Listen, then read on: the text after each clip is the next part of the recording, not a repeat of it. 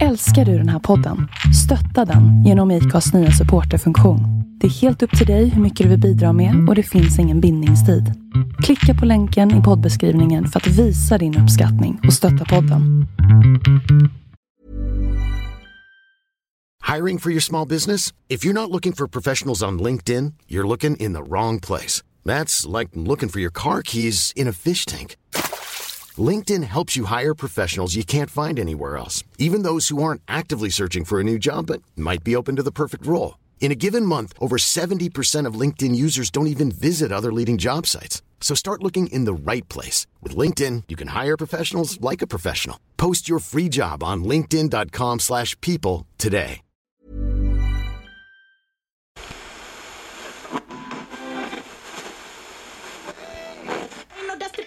미 합중국 대통령은 이에 예를 표시하면서 조미 사이에 선의의 대화가 진행되는 동안 What is the source?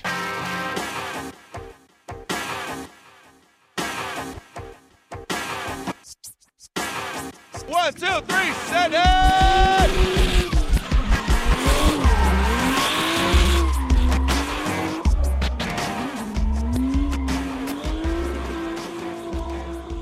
Hej och välkomna till eh, ett nytt avsnitt av Driftpodden. Med mig, Henrik Andersson.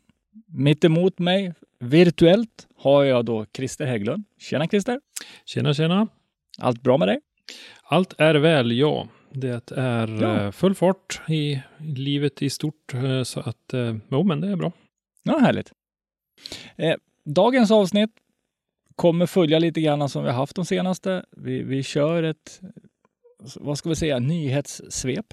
Lite grann med, grejer vi har snappat upp, som vi vill ta upp och sådär, vad man har hört. Mm. Lite grann om framåt vad vi vet. Och Kim Jong-Un kommer ju faktiskt vara med på ett hörn också. Han har ju blivit våran lilla maskot. Vi drar igång på en gång. Vi, ska vi nämna någonting om att vi ska prata om en kille som är lite längre än Kim Jong-Un också kanske? Ja, han är i alla fall ett halvt huvud högre. Eh, Eller? Ja, lite, lite drygt. Tre. tror jag till och med. Eh, James Dean Mm. kommer vi att eh, diskutera lite grann och hans, eh, i våra ögon, dominans Mm. skulle jag vilja säga. På senare år har han faktiskt fått lite hårdare, eh, vad ska jag säga, motstånd. Mm. Men de Ja. första åren, då var det helt. Ja. Kika lite på hans karriär hittills och vad han har för sig nu och så vidare. Och sen så har vi även lite intervjuer. Vi kanske ska börja i den änden. Det var ju så här, Christer var på ett privat event på Mittsverigebanan. Stämmer. Den 15 maj var det jag var där och eh, det var Jim Nordqvist som hörde av sig och frågade om eh, jag ville hänga med. Det var ju då naturligtvis begränsat antal människor så att eh, då följde jag med som en del i, i Jims team och det är jag jättetacksam för. Det var riktigt kul att se.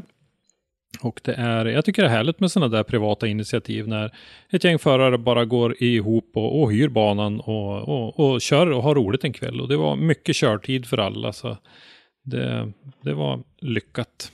Ja, men det är kul. Ja, jag, jag tycker det faktiskt. Och det var ju en, en väldig spridning på bilarna. Det var ju dels några eh, racingbilar då, men så var det ju en del driftare. Mm, Eh, Jim Nordqvist var väl eh, namnkunnigaste föraren som var där. Jim som jag tror ganska många av er som lyssnar känner till. Han har ju kört eh, SM under några år. Han har ju kört i, jag tror det är tio år ungefär. Eh, tävlat i sju. Eh, kört någon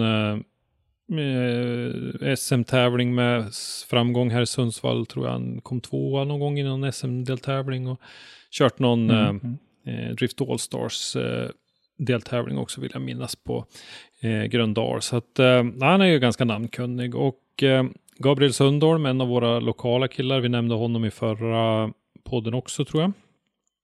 Eh, Ja, just det. Mm. byggt en ny Volvo eh, som eh, han är och provar lite grann på banorna runt omkring. Men sen var det ju lite det här vanliga, någon BMW, eh, E46, eh, lite, ja, någon eh, äldre, åh, nu, kommer jag, nu vet inte jag ens vad de heter, eh, en 3-serie som är E30 äldre kanske? än E30 till och med.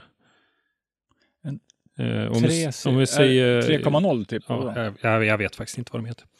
Ehm, men den gick också riktigt bra. En Volvo 360. Jaha, du ser. Ja. Du ser. Eh, Så i senaste Instagram-uppdateringen som jag gjorde så frågade jag ju vilka två mästare som hade börjat sin bana i en Volvo 360 och då var det ju någon som svarade Jocke Andersson och Fredrik Åsbö och det var ju de jag tänkte på. Men sen så var det ju någon som taggade Bagsy också.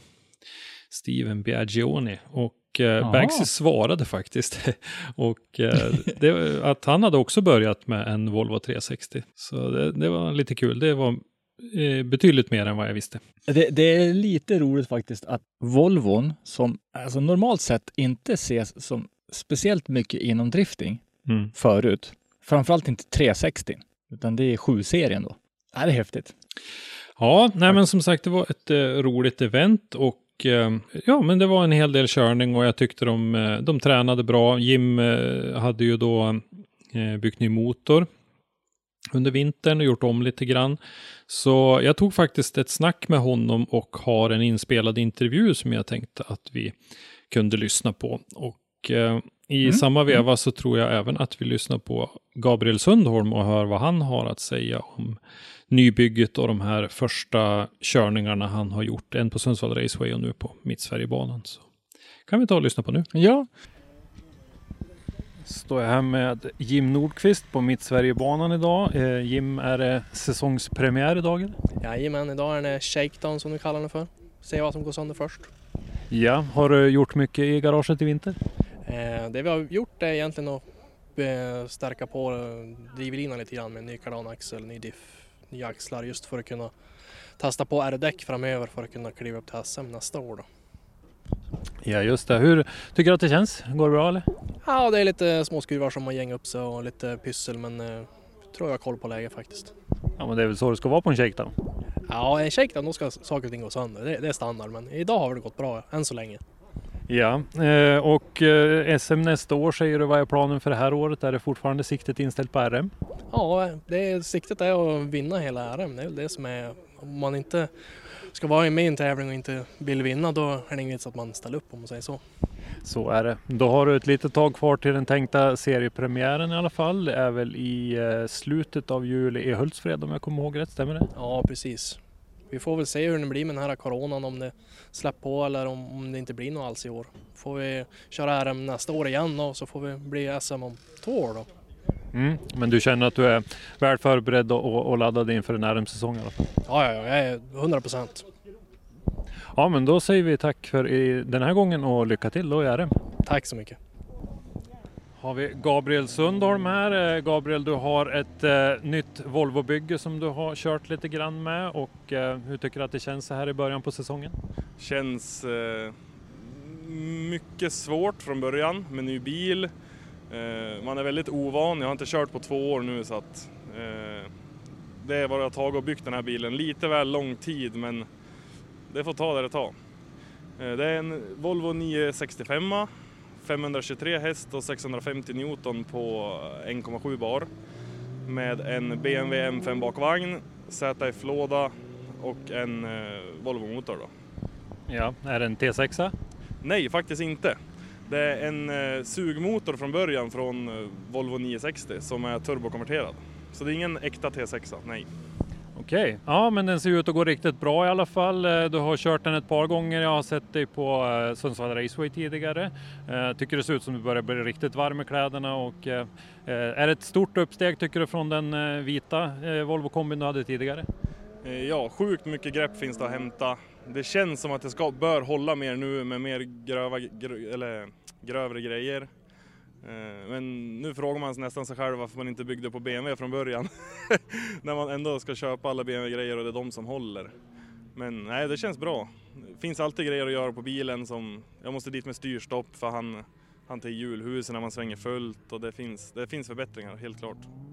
Ja, men eh, det finns ju även lite tid kvar. Vad eh, har du för planer för säsongen? Är det frikörningar eller har du tänkt dig någon tävling? Eller? Det blir faktiskt bara frikörning. Eh, tanken med bilen från början var ju att jag skulle tävla med han.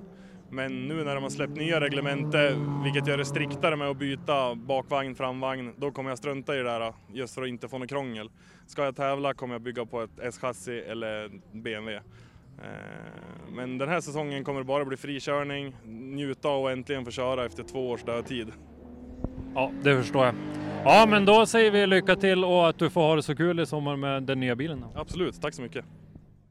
Ja, där hörde vi lite grann vad eh, Jim Nordqvist och eh, Gabriel Sundholm hade att säga. Eh, sen så var det ju en sak till också den där kvällen att eh, jag fick ju faktiskt möjlighet att åka med Jim. Eh, Ja. Ja, och det och var du ju lite hade kul. inte inspelningen igång. Nej, jag hade inte det. Jag, Det var hade ju, jag var ju själv där och tyckte att jag hade eh, fullt upp ändå. Det var faktiskt Jims fru Sandra som övertalade mig att, att hoppa med där. Så att, eh, och det var ju faktiskt första gången jag åkte driftingbil och det var ju eh, riktigt kul. Eh, och få åka med en sån eh, rutinerad förare som Jim också. Så att eh, det, var, det var intressant. Det var många intryck. Jag satt och tittade, försökte hänga med så mycket som möjligt i allt han gjorde och sådär. Och det var, Mm. det var en, en eh, udda känsla, det var det absolut. Hur var känslan innan ni kom iväg? Jag, jag, alltså jag var inte nervös eller så, utan det var liksom bara, jag, jag kände att jag ville, jag ville titta och ta in så mycket som möjligt. eh, Ja, ja. eh, Så att, eh, nej men det var, det var bara, bara skönt. Det, det är en häftig känsla. Ja, ja, Det är det ju helt klart. Absolut. Eh, sen så, det här med bälten är man ju lite ovan, så att jag satt ju med, så att jag tyckte att jag satt fast, men sen åkte vi ett varv och sen så drog jag åt de där bältena några centimeter till för att man vill sitta fast ordentligt. Ja, man, alltså, kroppen ska inte röra sig. Nej. Eh, Kroppen ska ju liksom flytta sig med bilen. Mm. Eh, Det, det för mig osökt in på, eh, jag spelade in en liten promofilm till KAG för några år sedan. Mm. Och då ville jag ha lite åkbilder. Så jag åkte först med han då och filmade ifrån bilen. Men sen så ville jag ha alltså chase-bilder och när de chaseade mig så att säga. Mm. Så jag satt i skuffen på min bil, bakluckan öppen, eh, spjärnade emot med fötterna och sen så var det en som körde då. Och, och jag trodde den där lilla Renault som jag har skulle välta. Han, han hade Ja. svårt att hänga på. Ja, det, det går ganska fort alltså. Så att det, och då är Ja, ju går- Mittsverigebanan som jag åkte på nu då är ju ingen högfartsbana direkt så, men, men man känner ju att det, det går fort, det gör. Ja, det går fortare än, än vad man upplever när man står och tittar. Mm. Ja, det är kul. Det, det är någonting, som- alltså, får du möjligheten att åka så ta den, säger jag bara. Nej, som sagt, eh, summa summarum så var det ett jättetrevligt event. Eh, tack så mycket Jim för att jag fick följa med och eh, nu ska vi väl se, vi har väl det lite längre fram i kommande eventen här så ska vi se om vi har någonting mer på gång kanske. Vad har hänt mer då? Jo, det har hänt ett event på Sturup faktiskt i helgen som var. Jo, Visst var det det? Det var Drift Days Training Weekend. precis det var det och då var ju eh, Björn Billsten där för vår eh, räkning, då för Driftsons räkning och eh, eh, det var ju ganska mycket danskar, men det var ju även en del svenska förare som var där. Ja, för Eh, det var väl NDS som arrangerade det? Ja, precis. Det var det ju. Den här eh, danska serien säger ju vi, den heter ju Nordic Drift Series, men eh, det är ju en dansk arrangerad Ken Ektved som ligger bakom. Eh, så att, eh, nej men det blev väl eh, en del bra körning där också. Ja, det var väl lite, lite blött i början, men sen Ja. så det upp ja. Det var nog det och eh, upptorkande bana så där kan ju vara ganska klurigt att eh, bemästra, men vad vi vet så så gick det väl bra och eh, var lite, lite trångt i depån, eller trångt men inte så många lediga platser kvar i alla fall. De höll ju lite extra eh, avstånd och sådär så att eh, Mm. gäller att eh, förhålla sig till de eh, regler och eh, eh, ja, föreskrifter som finns nu då, så, så att man kan åtminstone köra lite träningsdagar. Ja, och jag tror ju att det är nog väldigt många människor som, eller många förare som är sugna på att träna. Jag, jag kommer tillbaka till det här att jag tror att eh, det här breaket för många förare så tror jag det här breaket kommer att visa sig ha varit ganska bra faktiskt för att eh, när vi får de här träningstillfällena som eh, speciellt de här där, där det är ganska jämn nivå på förarna så att man får en möjlighet att träna mot, mot ganska jämnt motstånd. Det är en sån här sak som vi Mm. har sagt länge att vi har saknat. Så att eh, Ja, ja. jag, jag, jag tror att det kommer att bli bra. Vi såg eh, eventet som var på Hamre för några veckor sedan bland annat och, och eh, lite sådana där. Så att jag, nej, jag tror att det, det behövs eh, träningstillfällen. faktiskt. ja eh, fler träningstillfällen skulle jag vilja säga. Och, och det är inte frikörningar med en, en väldigt vid variation på, på förare och bilar, utan försöka och, och, och det är inte någonting att någon är bättre än någon annan på det viset, mervärde än någon annan på det viset, utan det är ju det här att man bara ska tävla mot de som är ungefär jämna, eller tävla, men alltså träna med de som är ungefär jämna, för att det ska ge så mycket som möjligt. Tänk dig sitta och svarva twinkörning med folk som är runt omkring dig i, i nivå. Mm, mm, Alltså det är ju värt hur mycket som helst. mm. Nej, men så gärna mer organiserade träningsdagar med, med en tanke då bakom såklart. Mm. Och även, även frikörningsevent. Gärna. Men ja, nu ser det ut som det gör med, med coronan och allt vad nu är. Men men, Mm. Peter Dragway gör lite grejer. Ja, de jobbar ju på där uppe. Mm. Eh, hade lite kontakt med Joakim Ahlgren där uppe i SHR och Luleå och eh, de eh, håller ju på nu och gör klart den här ombyggnationen som de började med i höstas. Eh, de eh, drog, jämnade ju ut vissa kurvor och de har ställt upp en hel del ny betong och eh, mm, satsar lite grann på sin bana för att få eh, bättre flyt i den och eh, eh, kunna få bättre twinkörning har väl varit den stora målsättningen. Eh, Mm. Vi skrev om det där och jag såg att eh, gamle rutinerade Rickard Ivars hade kommenterat vår artikel om det. Han tyckte muren såg väldigt fin ut. Det är inga fötter på den där typen av betongblock som de har ställt upp eh, som kan eh, klippa fälgen om man kommer för nära, utan han tyckte det såg riktigt bra ut. Så att, eh, Ja, den är slät nere så att det blir alltså en 90 graders vinkel kan man säga. de är släta. De lutar lite grann in eller utifrån banan så att säga, men, men det är inga, inga fötter på dem. Så att, Nej, men det är fötterna som har sönder mest. Om man ja, säger, jo, och men det, och så det här om det är avstånd emellan som vi har pratat om tidigare, som är rena döden om Ja. man råkar fastna in i. Eh, un, nu under den här veckan eh, så kommer asfalten att läggas där och eh, då passar man faktiskt på att köra direkt så att eh, den eh, 30 maj, det torde vara idag eller imorgon, det beror lite på när den här podden kommer ut, fredag eller lördag. Eh, lördag 30 Mm. maj så är det träningsdag uppe på Peter Dragway och då är det för licensierade förare har man sagt. Och orsaken till det är att man vill prova ut den här nya sträckningen och då vill man ha förare som har kört tidigare så att man kan få en, en rättvis eh, bedömning om banan har blivit bra, om man har lättare för twinkörning där nu eller, eller hur det är. Ja, så, så att man kan få bra feedback så ja. Ja, exakt. Bra feedback. Eh, så att, eh, och jag såg att flera av eh, eh, SMRM eh, nästdriftförarna där uppe var på hugget och skulle åka dit och, och prova. Så att, det tror jag blir jättebra. Sen så har vi även då samma dag, den 30 maj, fast en liten bit ner i landet. Då. Och vi tar ett stenkast i Norrland, är det 10 mil? Ja, ungefär. Ja, det är väl fyra, nej fem, sex stenkast. Hur långt är det från Piteå ner till Malmö? Från Piteå till. Malmby skulle jag nog säga att det är 80. Ja, åtta stenkast. då. Mm.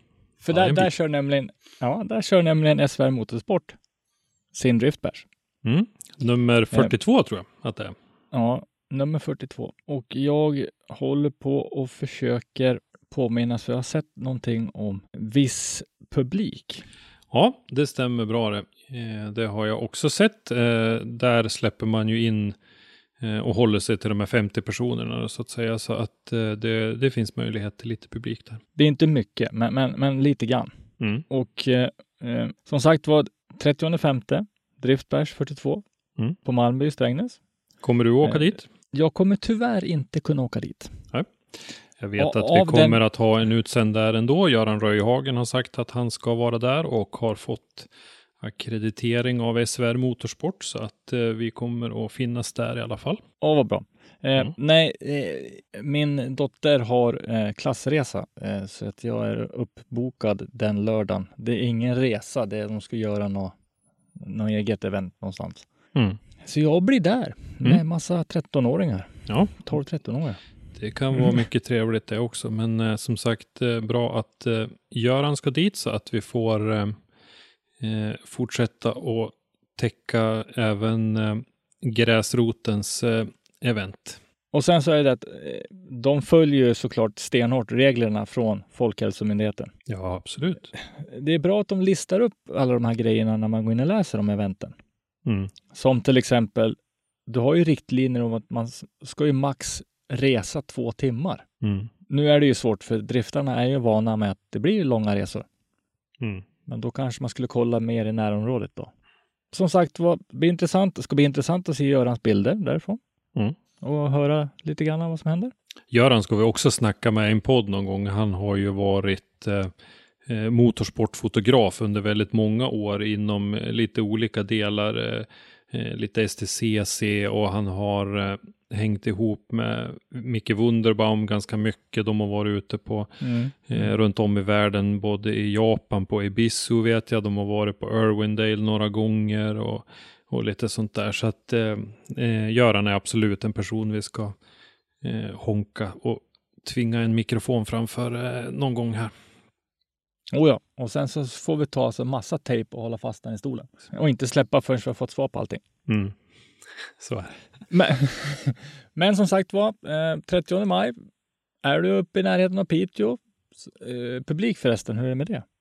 Eh, där är det publikfritt. Ja, för det, var tränings, Mm. träningsdag, inte Ja. en frikörning. Nej. Eh, Driftbergs Malmby öppnar upp för lite publik, men fortfarande så är det 50 stycken som gäller. Och jag vet ju inte om de kan begränsas så att 50 i publik och 50 förare får plats. Jo, men det tror jag. Eh, det, det finns ju lite olika tolkningar på det där och den här tolkningen som de verkar göra, den har jag läst på fler ställen. Att, att de, de idrottande eller de utövande så att säga räknas inte in i det där. Och, och speciellt inte i motorsport eftersom där sitter var och en i, i sin egen bil. Liksom och så där. Men, så att eh, det, den tolkningen har jag sett på fler ställen, absolut. Alltså smittorisken, den finns ju i publiken. Om, om man säger Ja. så. Mitt Sverigebanan kör en intressant grej den 6 juni. Mm. Eh, vi Faktiskt. återkopplar lite grann till det här med, med nyttig träning då så har ju eh, gänget bakom eh, buset där uppe eh, arrangerar då en, eh, en dag på banan, en hel dag på banan. Mm. Där de som vill kan få möjlighet att få coachning av Jim Nordqvist som vi nämnde tidigare och Herman Jansson som ju är SM-förare sen eh, förra året, kört några RM-säsonger också. Så Man skulle nä nästan kunna kalla dem för husbusarna då. ja, precis, de brukar kallas för det. De är ju där eh, på i princip varje sånt där buset event på, på somrarna. Men det är ju riktigt bra. Bra tänk alltså. Ja, det är ju det. Då, man kommer då dela upp eh, i, i två grupper. Dels en grupp då som är erfarna och som inte behöver den här coachningen och så en grupp då med, med, med gräsrötter och, och lite nyare tävlingsförare som kommer att få full uppmärksamhet av Jim och Herman. Och de kommer Mm. att titta på körningen, de kommer att stötta och ge tips. Och eh, jag, jag tycker det här verkar som en riktigt kanonbra grej. Eh, Mm.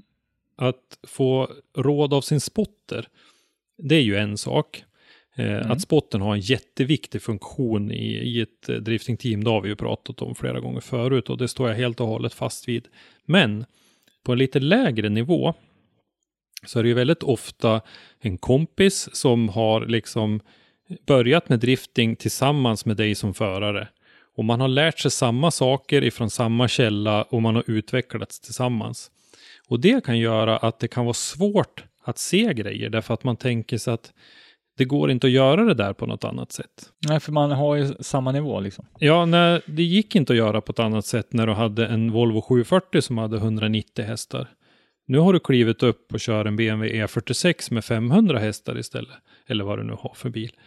Då kan Mm. det gå att göra det där på ett helt annat sätt. Och då kommer det någon utifrån och tittar på det du gör och eh, kommer med direkta tips om hur du ska göra för att ja, komma runt och komma, komma runt vissa grejer och komma vidare. Liksom. Jag, jag tycker att det låter jättebra. Och sen kanske dessutom ska man väl inte förglömma heller att man kan få tips eller man kan få feedback på det man redan gör bra. För det kan ju finnas sådana saker som man redan gör bra.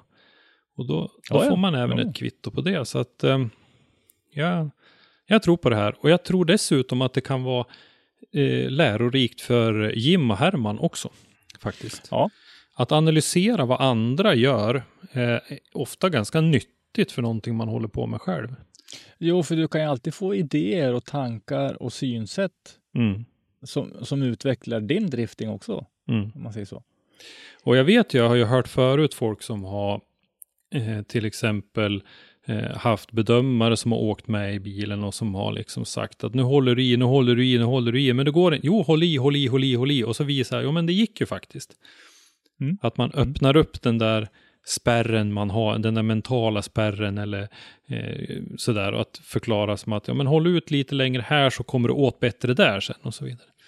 Så att, eh, nej men jag, jag tror det här blir en, en jättebra grej. Jag hoppas verkligen det. Och jag hoppas att eh, det blir många förare som, som kommer dit och som vill ha eh, Jims och Hermans eh, coachning.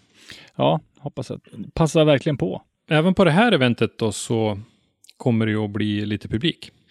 Eh, och där bra. kommer man att hålla en liten exklusiv skara då. Där kommer man att sälja biljetter till som är lite, lite dyrare än en vanlig eh, buset kväll då. Men eh, så är det ju en hel dag också. Så, och sen så tänker jag lite grann, jag har sett att försäljningen av de här biljetterna går ganska bra. Så är man intresserad så bör man nog snabba på. Men man gör ju dessutom en insats för att stötta eh, busets verksamhet.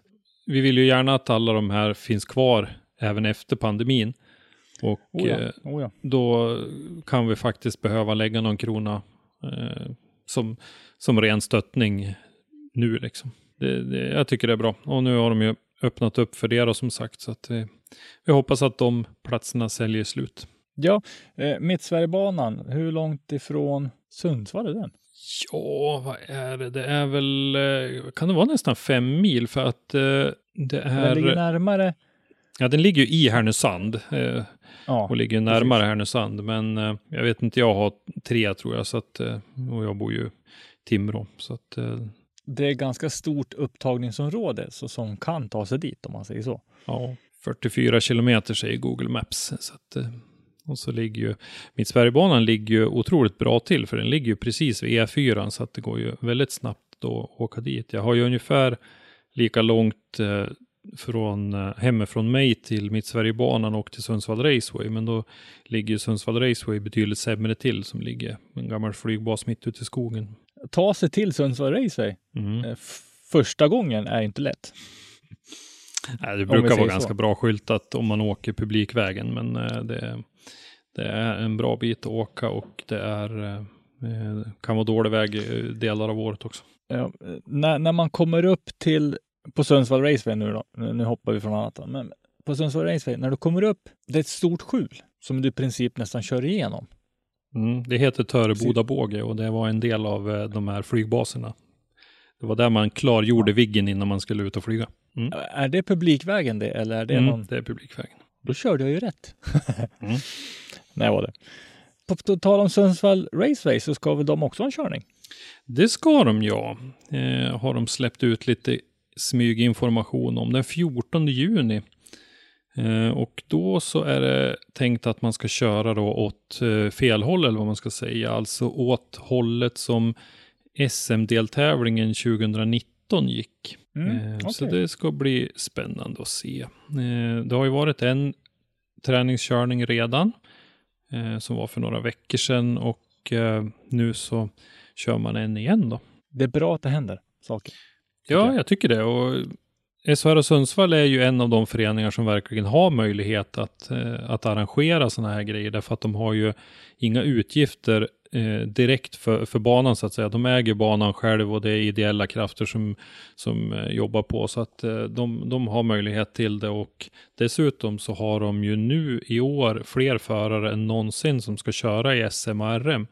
Och de vill ju naturligtvis ge sina förare eh, så goda möjligheter som, som det bara går. Och att ge dem träningstid är ju, är ju en del i det. Eh, Men om, om man tänker på körriktningen, eh, vilken riktning är egentligen grund, alltså originalriktningen då?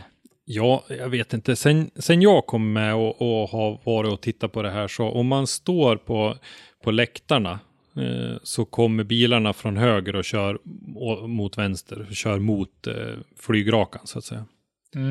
Det, det är den som har varit allra vanligast. Sen så har det berott på lite grann från vilket håll, om det har varit en, en vänstersväng först eller en högersväng först. Det har varierat lite grann.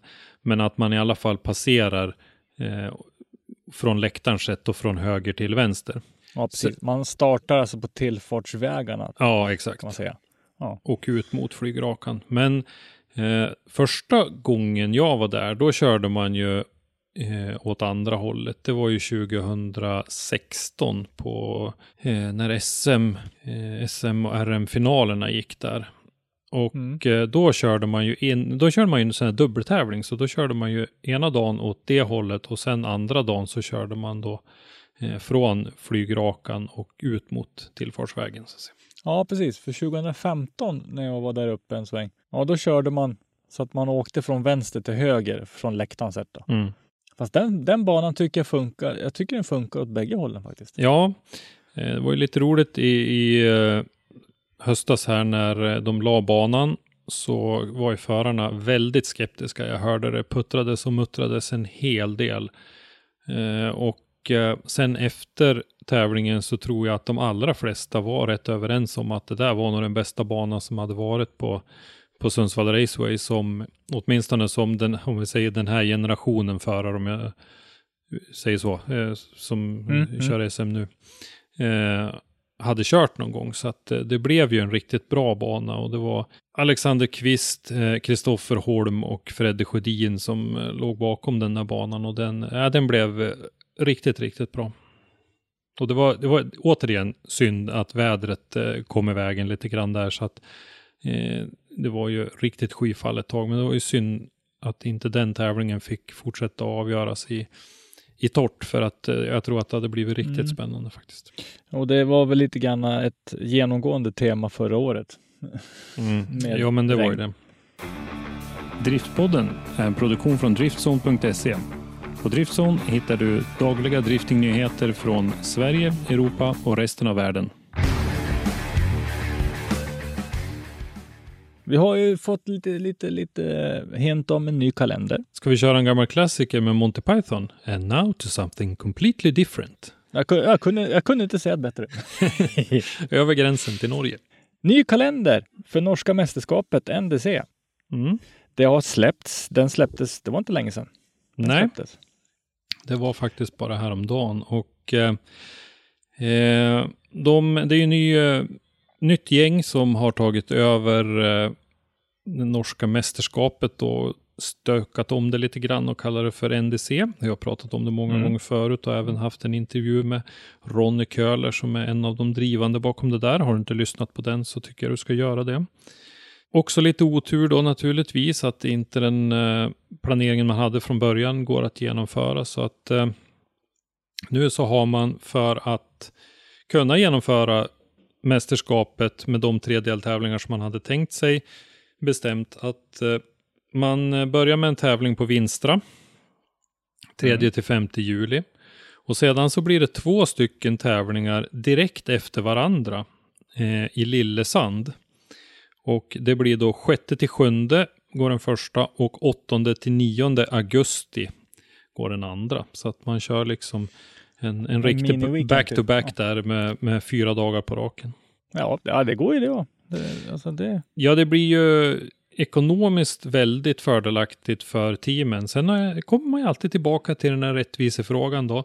Någon som har otur kör sönder bilen på eh, en träning eller ett kval till den, eh, då den sjätte. Då är man, man tappar borta från två tredjedelar av mästerskapet på en gång. Ja. Hade, det varit, hade de tävlingarna legat med fem sex veckor emellan så hade du med stor sannolikhet hunnit hem och fixa bilen emellan åtminstone kört den sista då. Så att, eh, men nu är läget som det är. Vi behöver ha ut de tävlingar som, som krävs så att säga och då, då tycker jag att de här eh, att de norska arrangörerna här gör helt rätt i att att komprimera ihop den här eh, serien. Tävlingarna kommer köras utan publik på plats. Ja, stämmer. Men man satsar däremot hårdare på livestream. Mm, Och eh, man utlovar känd speaker, drönare, intervjuer och mycket annat. Mm, och de har ju knåpat ihop ett riktigt fint startfält. Vi samarbetar ju med NDC och presenterar deras förare på vår norskspråkiga sida. Och Mm. eh, som det ser ut nu då så är det ju 33 anmälda i Pro 2. Det är ju motsvarande vårat RM då kan man säga. Och så 47 förare i Pro. Så att eh, det är riktigt, riktigt och det är, det är väldigt hög klass på provförarna, det får jag säga. Jag är inte, nu står det ju still i mitt lilla huvud. Ja, det är många av de kända norrmännen. Tor Arne Kvia, eh, liksom eh, Kvia ja. eh, Odd ja. Helge Helstad och, och hela, hela det här gänget som vi känner igen ifrån ifrån Gatubil Drift Series. Nu det senaste Öyvind Bogen, Andreas Övergård och så vidare. Så att eh, nej, det är många som eh, riktigt, många riktigt duktiga förare som, som kommer att vara med där. Och det är klart, en del har ju, har ju sett att eh, Kvia till exempel, jag är, jag är rätt övertygad om att han tror att det inte kommer att bli något DMEC överhuvudtaget. Så att eh, då, då är det ju bättre att anmäla sig till eh, den inhemska serien och, och köra i den då. Ja, ja, ja, alltså det är helt klart. Man har ju även, ja men det kommer ju, sponsorerna vill ju synas Mm. och allting sånt där. Ja, men så är det ju. Och då när vi ändå är inne på Norge så är det ju klart nu att Gatubil kommer att köra en version utav sin stora Rudskogen, eller inte final, Rudskogen festival.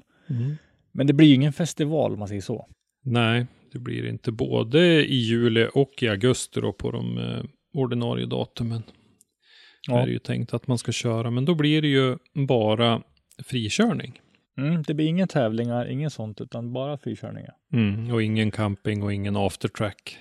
Så att eh, det blir eh, lite, det beskrevs lite grann eh, på Gatubils hemsida som lite back to basic, eh, lite grann som det var eh, på 1990-talet. Ja, det, jag observerar också att vi var inne på det här när vi sa att gatubilfestivalerna var inställda. Att det vi sa då, det var ju att de var ju inställda i den formen vi är vana att se dem. Sen får vi se. Och nu mycket riktigt Precis. så blev det också så att eh, man justerar upplägget och eh, kan genomföra någonting i alla fall. Ja, och, och det blir ju som så då att ingen publik, ingen aftertrack, ingen camping, enbart norska deltagare var det väl också sagt. Så var det, det, sagt. det har ju att göra med in, inreseförbud. Nu kan ju det komma och förändras, det vet vi inte, men Mm. som infon vi har idag så är det så. Ja, och sen kanske man väljer att låta de norska förarna få dem med, för det kommer ju naturligtvis inte att vara fritt för hur många som helst, utan det kommer väl med all säkerhet att vara begränsningar och då kanske man vill ge de platserna till, till norska förare, även om vi skulle få lite lättningar i, i det här inreseförbudet. Så det, får- det får vi se, men eh, frikörning kommer det bli i alla fall och det kommer att eh, bli som vi är vana att se det under de vanliga festivalerna med straight line, open line och drift line och sen så eh, blir det dessutom då lite frikörning för bilarna som normalt sett tävlar i gatubil extreme. De, de Mm. vill vi väl inte släppa ut i, i straight line kanske, utan de får, de får husera själva. De. Ja, det är nog bäst. Ja, jag. jag tror det faktiskt. De är, de är ganska snabba de där bilarna. Ja, lite lätt. Mm. Skulle jag vilja säga. Eh, jag, jag skulle ju inte matcha med, med, med, min bil om man säger så. nej, eh, nu, nu stack Fast... du inte ut hakan och långt tycker jag. nej, nej, precis. Eh, nej, nej, nej, nej, nej, nej, nej. nej jag, de, de skulle ju köra åttor runt mig. Mm. Nog om det. Så tänkte jag vi skulle gå in på lite grann. Eh, vi kan väl säga så här. Mannen, myten, legenden. Mm. James the Machine Dean. Ja, han, eh, han kan ju det här. Ja, jag skulle vilja säga att där har vi mannen, myten, legenden. För att Mm. han är väl lite grann utav en legend inom driftingen. Han är ju det. Det som är så det som är så lustigt tänkte jag säga med honom är ju att eh, det är ju ingen gammal man det här inte. Nej. Han är född 1991, han är 28, fyller 29 år i år. Och ändå så tycker jag att det känns som att han har, eh, han har ju varit med för alltid liksom. Ja, men det, det känns ungefär som att driftingen föddes runt honom. Mm. ungefär. Alltså han har ju dominerat så, så väldigt länge. Ja. Och vad det kommer ifrån, jag har en liten hunch om vad jag tror mycket kommer ifrån, men det, har, det är sätestid, träning Mm. och bakgrunden. Så är det. Vi, vi kommer att återkomma lite grann till det i slutet av det här blocket om James Dean, eh, lite grann om var han började träna någonstans. Men vi, eh, vi har ju diskuterat det här du och jag och eh, Mm. förberett lite grann med lite, lite data om, om James. Och han började ju att tävla 2006 och körde då en Ford Sierra i någonting som kallades för Pro Drift Junior Championship. Eh, som han Ja, det, ja. slutade på tredje plats då. Och sen så 2007 så började han med eh, seniorkörning och, eh, och vann även sin första tävling då. Gjorde han det? Ja, det gjorde han ja. Mm, han vann en, eh, eh, sitt första professionella evenemang i Rose Green och då var han alltså 15 år gammal. Det, det, det, det är starkt. Ja, det är starkt. Jag men- menar, menar 15 år gammal. Jag, jag kan bara gå tillbaka till när jag själv var 15. Satt och puttade runt på moppe och funderade på hur jag skulle trimma liksom.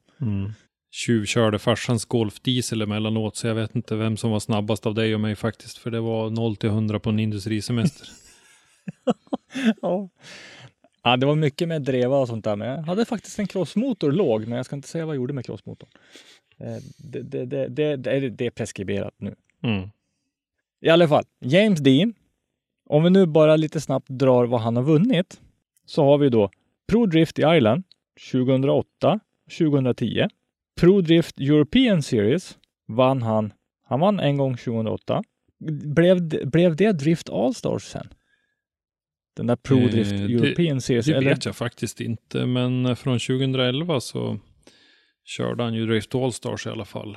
Och där vann han 2011, 2014, 2015 och 2016. Och 2012 så vann Alan Sinot och året efter så vann faktiskt finländaren Juha Rintanen. Mm. 2013 Nürburgring Drift Cup. Den har jag faktiskt aldrig hört talas om. Nej, inte jag heller. Driftar de Nordschleife då? Nej, det tror jag inte. Jag tror de är inne på, på den modernare banan. Eh, Men eh, sen så har han ju även då naturligtvis tävlat på hemmaplan. Så 2013 och 2015 så vann han Irish Drift Championship, IDC. Mm. Eh, 2017, 18 och 19 Formula Drift i USA. Han alltså trippel mästerskap. Ja. 2019, 2020 Oman Drift Championship och eh, 2018, 2019 Drift Masters European Championship. Där är han ju den enda som har vunnit. För den, har ju, den serien har ju bara gått i, i, i, två, i de två säsongerna. Eh, Mm. Nu kan vi väl vara rätt övertygade om att om det blir DMEC i år, 2020, så kommer James Dean inte att vinna. Därför att eh, det kommer att bli så tajt nu med den här hopklämda kalendern så att eh, han kommer inte att ha någon tid eh, ifrån Formula Drift och kunna köra alla Driftmasters event. Det, jag kan aldrig Nej, tänka måste- mig det. Men det måste ju krocka något fruktansvärt mycket. Det kommer att göra så att eh, då kommer vi att få en ny, en eh, ny mästare. Men alltså, vad är det som gör att en kille som James Dean, för han är liksom, han kommer han är ju inte backning, så han får ju inte allting. Och han har ju liksom inte obegränsat med resurser. Nej, Och ändå så kommer han och sopar mattan med precis alla. Mm. Ja, jag, jag tror att det finns många förklaringar till det där. Man får ju man får ju känslan av i alla fall att han är ganska eh, han är ganska teknisk. Han verkar verkligen handgripligt vara med och bygga bilarna själv. Mm. Eh, och eh, han verkar ha mycket bra idéer eh, om hur man ska få bilarna som han vill ha dem. Och det tror jag faktiskt är en av nycklarna i det här. Mm. så, så det tror jag absolut är en. Sen var du inne på en annan och det är ju det här med sätestiden. Den tror jag är extremt viktig. Och inte Ja. bara sätestid i drifting, utan alltså om du sitter i en tävlingsbil, oavsett vad det är för typ av tävling egentligen, Mm. Så skapar ju det ändå känslor, synsätt på hur bilar uppför sig, som hjälper dig sen då. Precis, och eh, liksom tittar man nu de här senaste åren då, så eh, 2017 då gjorde han ju en hel satsning på Formula Drift och körde han bara där. Eh, 2018 då vann han ju alltså både Formula Drift och Drift Masters. Eh, då körde han, eh, jag vet inte vad det är, är det åtta deltävlingar i Formula Drift, eh, sex deltävlingar i Drift Masters. Mm. 2019, då körde han Formula Drift, hela serien fortfarande, åtta Drift Masters, sex deltävlingar. Dessutom Oman Drift Championship under vintern. Ja, just det. 2020 nu under vintern så körde han också i Oman. Där, ja, den har vi också pratat om tidigare, en riktigt bra. Eh, de sändes ju livestream de där och eh, han hade, det var riktigt eh, bra motstånd och han hade väldigt bra battles mot, eh, mot Sebastian Fontaine till exempel från Holland som är riktigt duktig förare. Så att Mm. jag menar, bara där i antal tävlingsdagar på ett år så, så är det ju svårt att komma upp i något liknande. Jag vet ingen annan som tävlar så där mycket. Nej. Nej, och jag, för, jag förstår inte hur han har tid med allting. Nej. Formula Drift är på andra sidan kontinenten i princip. Eh, sätestid som sagt. Eh, jag följer ju hans eh, egen YouTube-kanal. Han har ju dels en tillsammans med Piotr Wiesek eh, som heter eh, Candy Machine, heter den va? Mm. Sen så har han ju en egen då, där han liksom lanserar det egna varumärket 130. Han har ju alltid kört med nummer 130 på, på bilen. Och eh, i det senaste avsnittet i den eh, egna serien så var de faktiskt ute och körde på en eh, åker, eller en fä- ett fält eh, hos grannen där. De bor ju på, ute på landet, de här. Ja, det. och Ja. eh, då var eh, James och Jack Shanahan faktiskt ute och körde med James har ju byggt en träningsbil eller vad man ska, en bärsbil eller vad han kallar det för av en BMW E92, en 335 som han har satt gamla eh, Wisefab-kittet som han körde sönder på sin eh, HGK eh, bil när han körde in i muren i, i höstas här i Drift Games eh, finalen. Ja, ja. Mm, mm, mm. Så eh, den har han monterat på den där E92an. Han har väl eh, börjat att försöka att skrämma upp motorn lite grann och satt i säte, hydraulisk handbroms och, lite sådana där grejer. Eh, Den där bilen tog han ut på den här åkern och då berättade han att det var där han hade börjat. Och eh, Jaha. han hade suttit där och gnuggat när han var, så han hade inte varit där och kört på nästan 20 år sa han, för han var 9-10 år när han började. Eh, Och då satt han där och gnuggade runt, runt, runt, runt, runt, runt, runt, runt. Och det är det här som vi säger, sätestiden. Och få den här Ja. tiden i bilen och få den här känslan. Och den där att sitta och köra på en åker så där, eh, det är väl lite motsvarande ungefär som våra isbanekörningar är eh, på vintern här. Det är ju väldigt Ja. många förare här som, som bygger sätestid genom att, att köra på isarna. Men jag menar, sen tio års ålder, jag menar, du hinner må- många timmar. Ja, men precis. Och så då, då hade han ju några år där som han tränade då innan han började tävla det där vid eh, 06-07. Men det, det, var, det var kul att se faktiskt. Eh, Jag kommer att tänka på, när man tittar på hans körning, så är det li- liksom, det är inte många variationer i körningen. Har han Nej. hittat sina linjer, då håller han dem. Mm. Men sen så ska man ju komma ihåg att han är ju inte omänsklig på något vis heller för att jag menar det finns ju de som slår ut honom i, i eh, battles och i eh, Formula Drift nu förra året så hade han ju en hel del problem med, med servostyrningen bland annat. De höll på att bytte lite Mm. olika system fram och tillbaka. De körde med, med en vanlig hydraulisk, sen hade de någon elektrisk och det var lite alla möjliga olika varianter på det där. Så att det, det är inte så rakt fram utan eh, det var väl för, för två år sedan, då, 2017, eller för tre år sedan, när han vann första gången, då, då vann han ju fyra deltävlingar och då kan man väl säga att han eh, Dominerade Var, ja, då ja. dominerade han faktiskt, det gjorde han. Eh, annars så har ju Fredrik Åsberg varit en, en riktigt stark utmanare till honom båda de andra gångerna. Mm. Så liksom någon sväng hit eller dit som hade gått åt andra hållet, då hade vi kunnat haft en, en norsk eh, trefaldig mästare i, i Formula Drift istället. Ja, för där var vissa sekvenser där, där helt enkelt han hade turen med sig. Ja, visst. Speciellt eh, andra gången då, 2018 då, när eh, allting avgjordes i, i finalen på, på Irwindale när eh, Fredrik Åsberg förlorade mot, eh, eh, vem var det då? Det var väl någon av RTR eh, Ford eh, Mustangerna va? Ja, men var det inte mot eh, antingen, antingen var det Denofa eller så var det Ja, den, gud, den andra med skägget som äger teamet. Eh, ja, precis. Ja, eh, så att, Van, Van Gittin Jr. ja precis. Von Gittin Jr. Precis. Hade Fredrik vunnit det, då hade han vunnit det mästerskapet. Om inte om fanns, eh, så ska man väl inte resonera heller. Men jag menar bara på att James är inte omänsklig. Han har nerverna på utsidan kroppen han också ibland när han står bredvid banan och, och de här tävlingarna avgörs eh, utom hans egen eh, kontroll så att säga. Ja, och en annan sak som slår en eh, nu när man har sett han lite grann. Han verkar vara så, alltså, han verkar vara en sån här helylle kille. Det Mm. liksom verkar inte vara någon så här, oj, oj, här kommer jag, tjalala. Utan står och snackar med, med, med folk och alltså ja.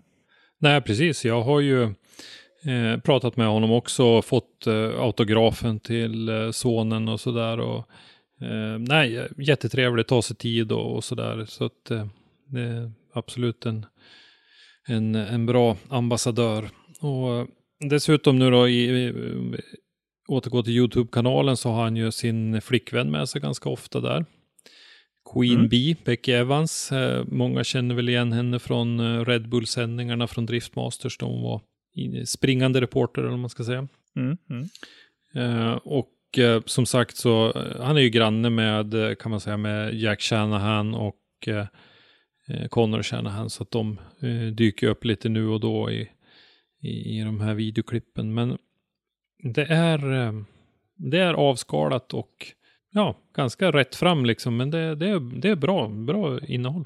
Ja, men det, det, det är kul att se det också tycker jag. Men eh, vi, vi får väl fortsätta prata om James någon fler gånger. Kanske analysera lite mer eh, hans körning. Jag skulle vilja prata med någon som har lite mer eh, erfarenhet. eh, Kanske någon bedömare eller någonting som eh, kan eh, utvärdera hans körning lite mer än vad kanske Mm.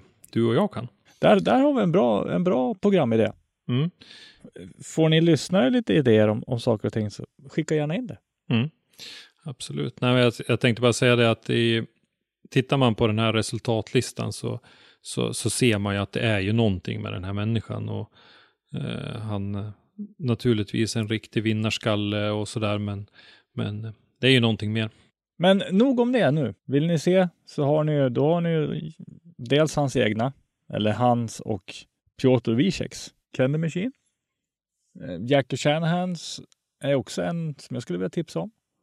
Deras. Fast Mm. den har väl inte varit uppdaterad på ett tag va? Nej, den har väl inte det. Det var ju eh, Lukas Bandana Boy som eh, eh, producerade den där och jag vet inte om jag har sett någonting. Det handlade ju väldigt mycket om eh, Shanahans och eh, bilarna. De tog fram de här två nya bilarna inför förra säsongen och sen var de ju eh, släpptes det avsnitt om eh, deltävlingarna under förra säsongen. Men i år har det varit Mm. ganska lugnt faktiskt. Men det kan man ju göra om man vill återuppleva säsongen 2019. Mm. Nu när det är, nu när det är torrt på annat, annat så finns det ju massa. Dels så har ju, finns det ju sändningar från både STC, Driftmasters, Red Bull och you name it liksom. Mm. Har du några favoriter från eh, säsongen 2019 som du vill eh, tipsa om? Ja, faktiskt två.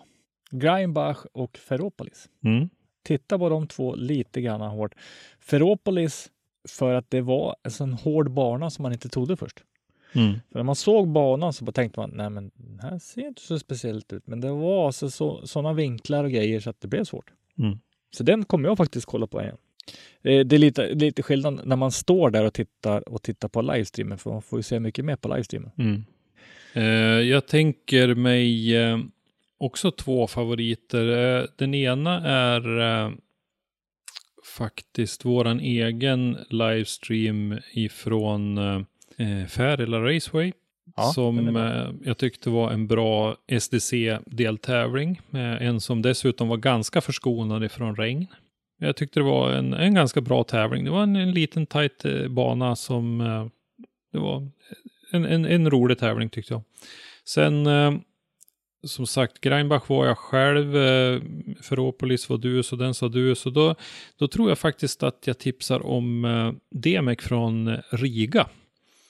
Eh, tyckte jag Mm. också var en spännande tävling där det hände en del grejer och där man fick se eh, det, den här ryska stjärnföraren som, som gick till finalen och som, eh, ja, vi ska inte avslöja om det är någon som inte har sett den, men eh, vi eh, fick se riktigt bra körning tycker jag från eh, wildcardsen på, på den deltävlingen och Riga är ju en liten sån där favorit som gör att det killar lite extra. Eh, en liten rolig grej som, som vi hörde kring Riga. Han som vann, han hade väl, vad var det, 643 mil hem. Ja, han vann inte, men nu har vi avslöjat det ändå. då, Men... Han, ble, han blev ju tvåa. Ja, just det. men eh, Ja, just ja, han, ja, nej, för de gick ihop där i, i sista. Mm, ja. ja, ja jo, men det, det är en, eh, en respektabel bit att köra. Jag, jag vill påminnas att han sa så att han var nervös för att de inte skulle hinna hem till en annan tävling. För det, var, det var, tog så lång tid att ta sig igenom allting. Alltså. Vi skickade den som en passning till Fredrik Westring uppe i Kalix, att eh, det finns de som har det värre. Ja. där, ja. Det där var nog det värsta jag hört tror jag. 600 mil liksom. Ja, det är galet. Andra tips då?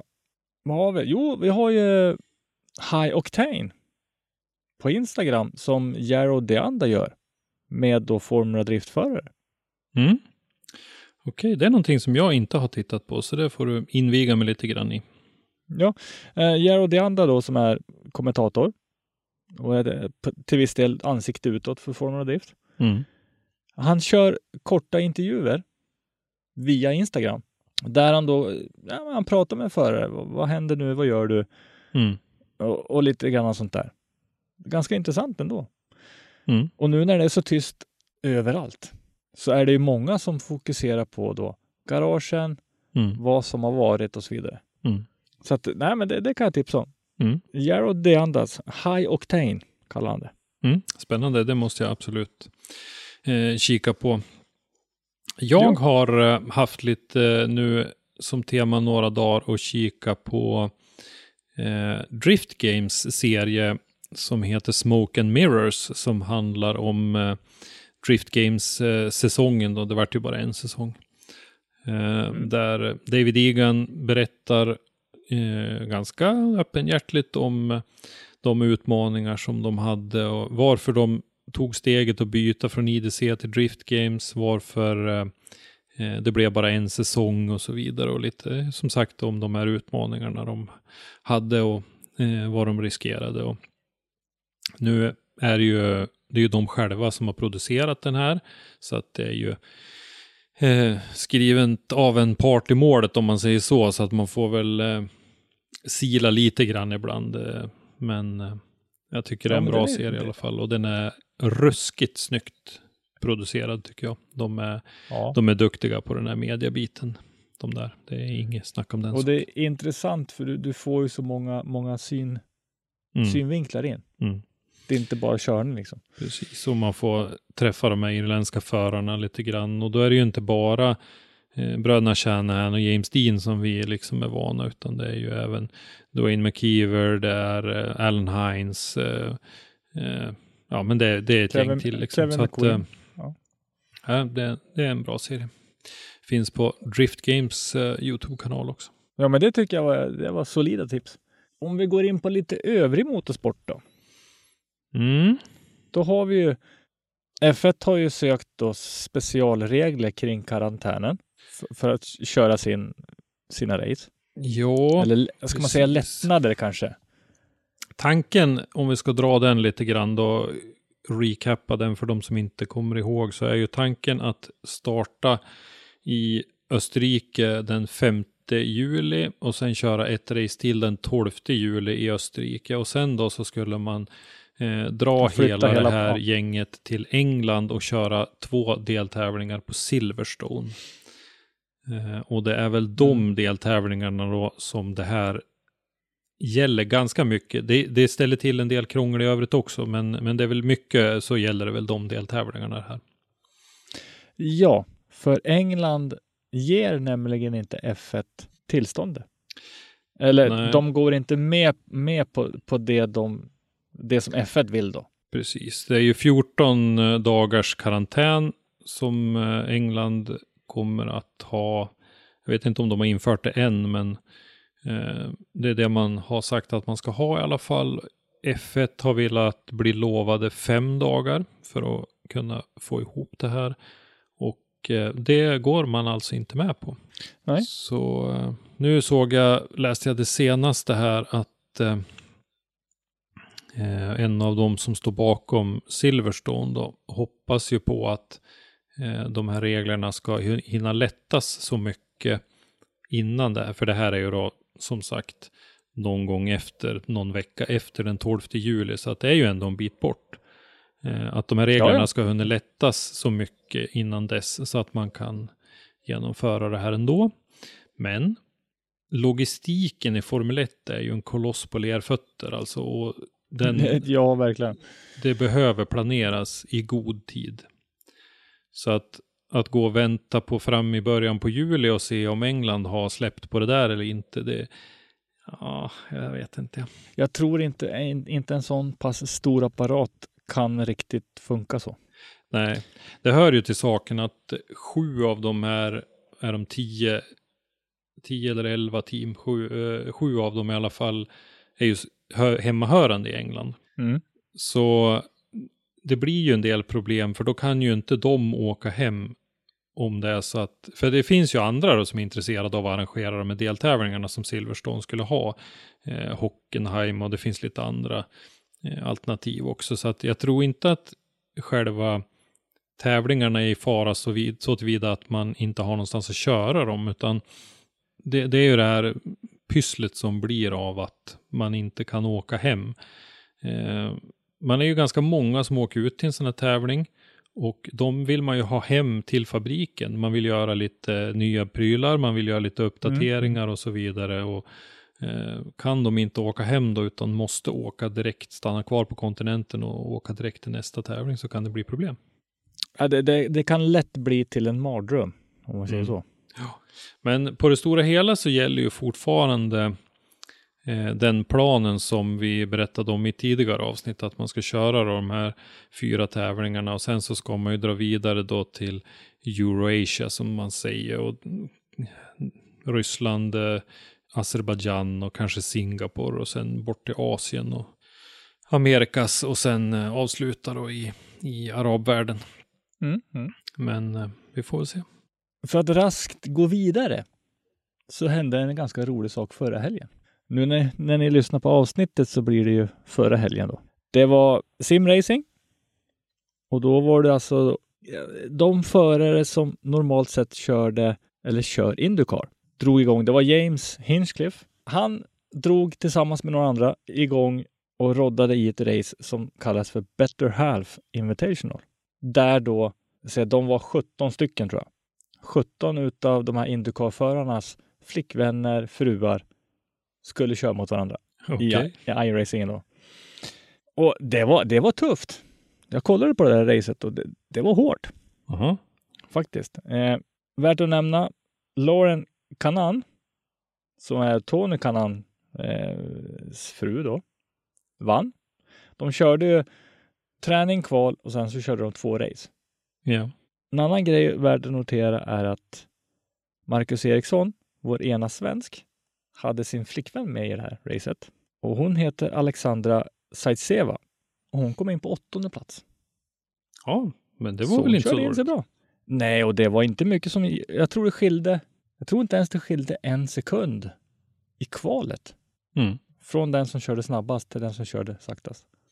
Ja, Så det där det- var ju en, en, en rolig grej så här i, i karantänstider. Och det är Ja visst, det, det, det är ett spel. Men de här förarna som har ju varit och kört den virtuella Indycar-serien kan man säga. Mm. Nu, och då ville de ge tillbaks någonting till, till sina flickvänner och fruar som då har fått ställt upp och serva dem då. Mm. Och jag kan bara påminnas, eh, en av kommentatorerna, hans fru körde. Han satt i sovrummet och kommenterade på livestreamen. Då. Okej. eh, och så sa han bara så här, nu ska jag nog inte gå in i rummet där hon sitter och spelar. För då hade hon, eller då hade deras son som spotter till henne. Ja. Och, och de satt och vrålade på varandra.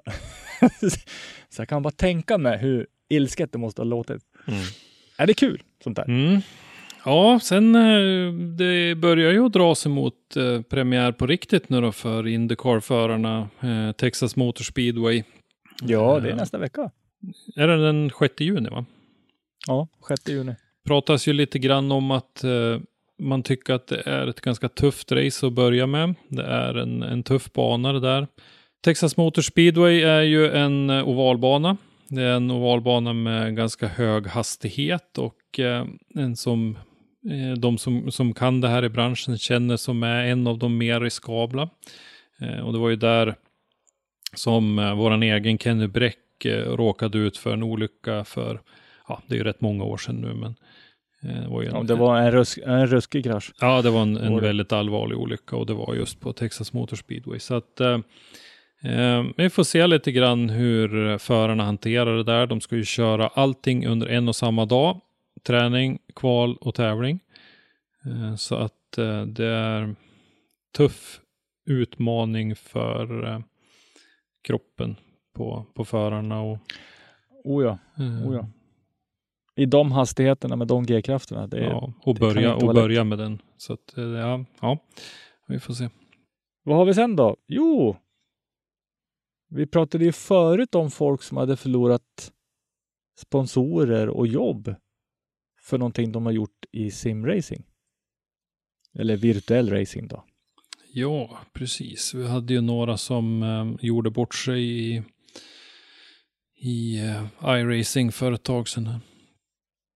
Ja, och nu har det även dykt upp en med då Formula E med deras simula- simulator. Mm. Det är Precis. Daniel Apt. Ja. Eh, Han, Eller ska jag eh, säga så här, Daniel Apt som skulle ha kört Race at Home, Mm.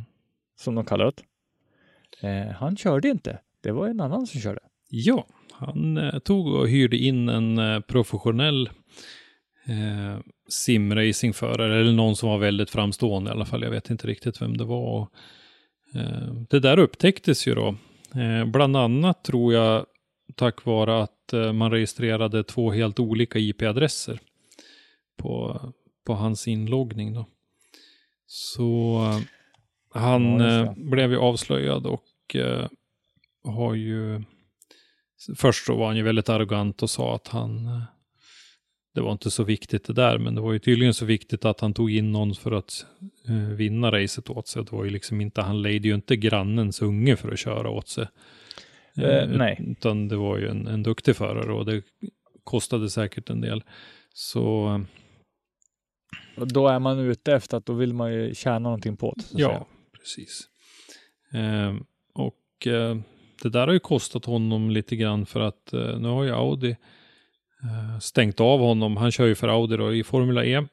Så eh, de har stängt av honom. Vi får väl se om, om eh, han förlorar jobbet helt och hållet eller hur det går. Det vet jag faktiskt inte. Men eh, sett lite olika kommentarer kring det där att nu får vi väl ändå ta och lugna oss och, och lite sådär. Men jag menar samtidigt, vad, vad skulle vi säga om eh, eh, Charlotte Kalla lejde in en norska för att åka åt henne liksom. Det, det skulle ju vara helt otänkbart. Eh, Ja, ja. Varför ska vi låta en racingförare som, som kör förvisso då ett simulatorlopp, men det är ju ändå ett lopp för att, hålla intresset uppe för det man gör och man eh, ska ge tillbaka till sponsorerna och det här och så eh, alltså gör man på det här sättet, det, det är inte bra. Och det man glömmer det är ju att Daniel då, han är ju en, en person som företräder företag Mm. som då stöttar honom. Ja. Och det är de företagen som får badwill Mm. på grund av vad han gör. Må hända att det är virtuellt och det är vad många säger spel och så vidare. Men alltså, nej, det är implikationerna som väller över till verkliga livet. Mm. Det är där det kommer. Men från, från, från det här nu eh, allvarliga och, och tråkiga till våran kära lilla maskot. Ja.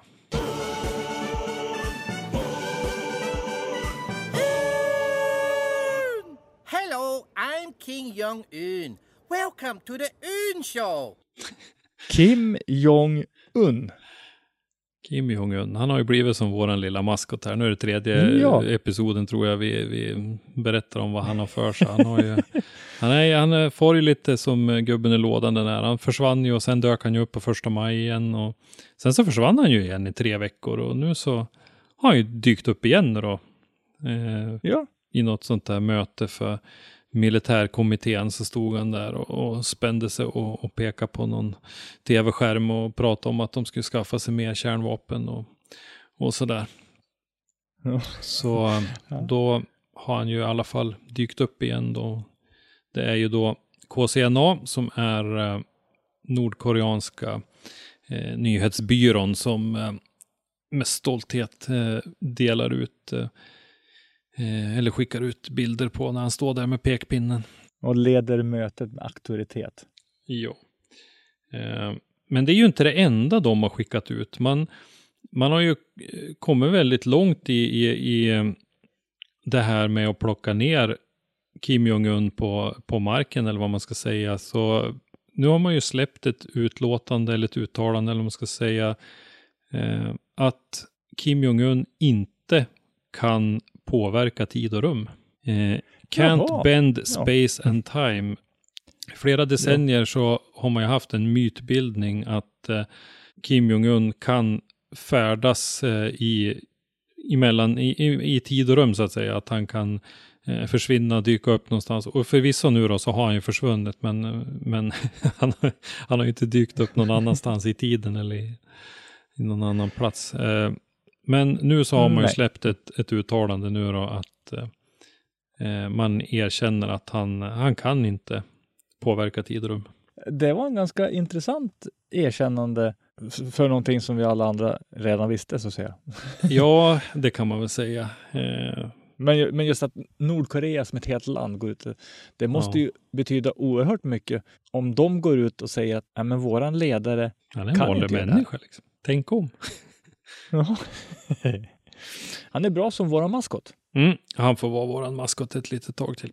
Och med det så skulle väl jag bara vilja säga eh, jag hoppas att ni hade lika trevligt som vi har haft nu när vi spelat in där. Mm. Så får vi se vad vi dyker upp med nästa gång. Ja, för, för, vi kan ju faktiskt påverka tider. Då. Det kan vi göra. I form av innehållet i podden i alla fall. Så att vi, vi ploppar upp när man minst anar det ibland faktiskt. Men i alla fall, ha det så bra allihopa så hörs vi nästa gång. Hej då! Hej då! Tack för att du har lyssnat. Lyssna gärna på våra tidigare avsnitt och glöm inte att ge oss betyg i din podcastapp. Besök oss på www.driftzone.se eller i sociala medier för dagliga nyheter. Vi heter Driftzone på de flesta plattformar. Om du har ett ämne eller en gäst som du vill att vi tar med i Driftpodden så skicka oss ett meddelande på våra sociala medier eller skicka ett mejl till oss. I avsnittet idag så har du hört Jim Nordqvist och Gabriel Sundholm. Programledare var Henrik Andersson och Christer Hägglund. Ljudpåläggning och slutmix Robban Strandberg. Driftpodden är en produktion från Driftzone och produktionsåret var 2020.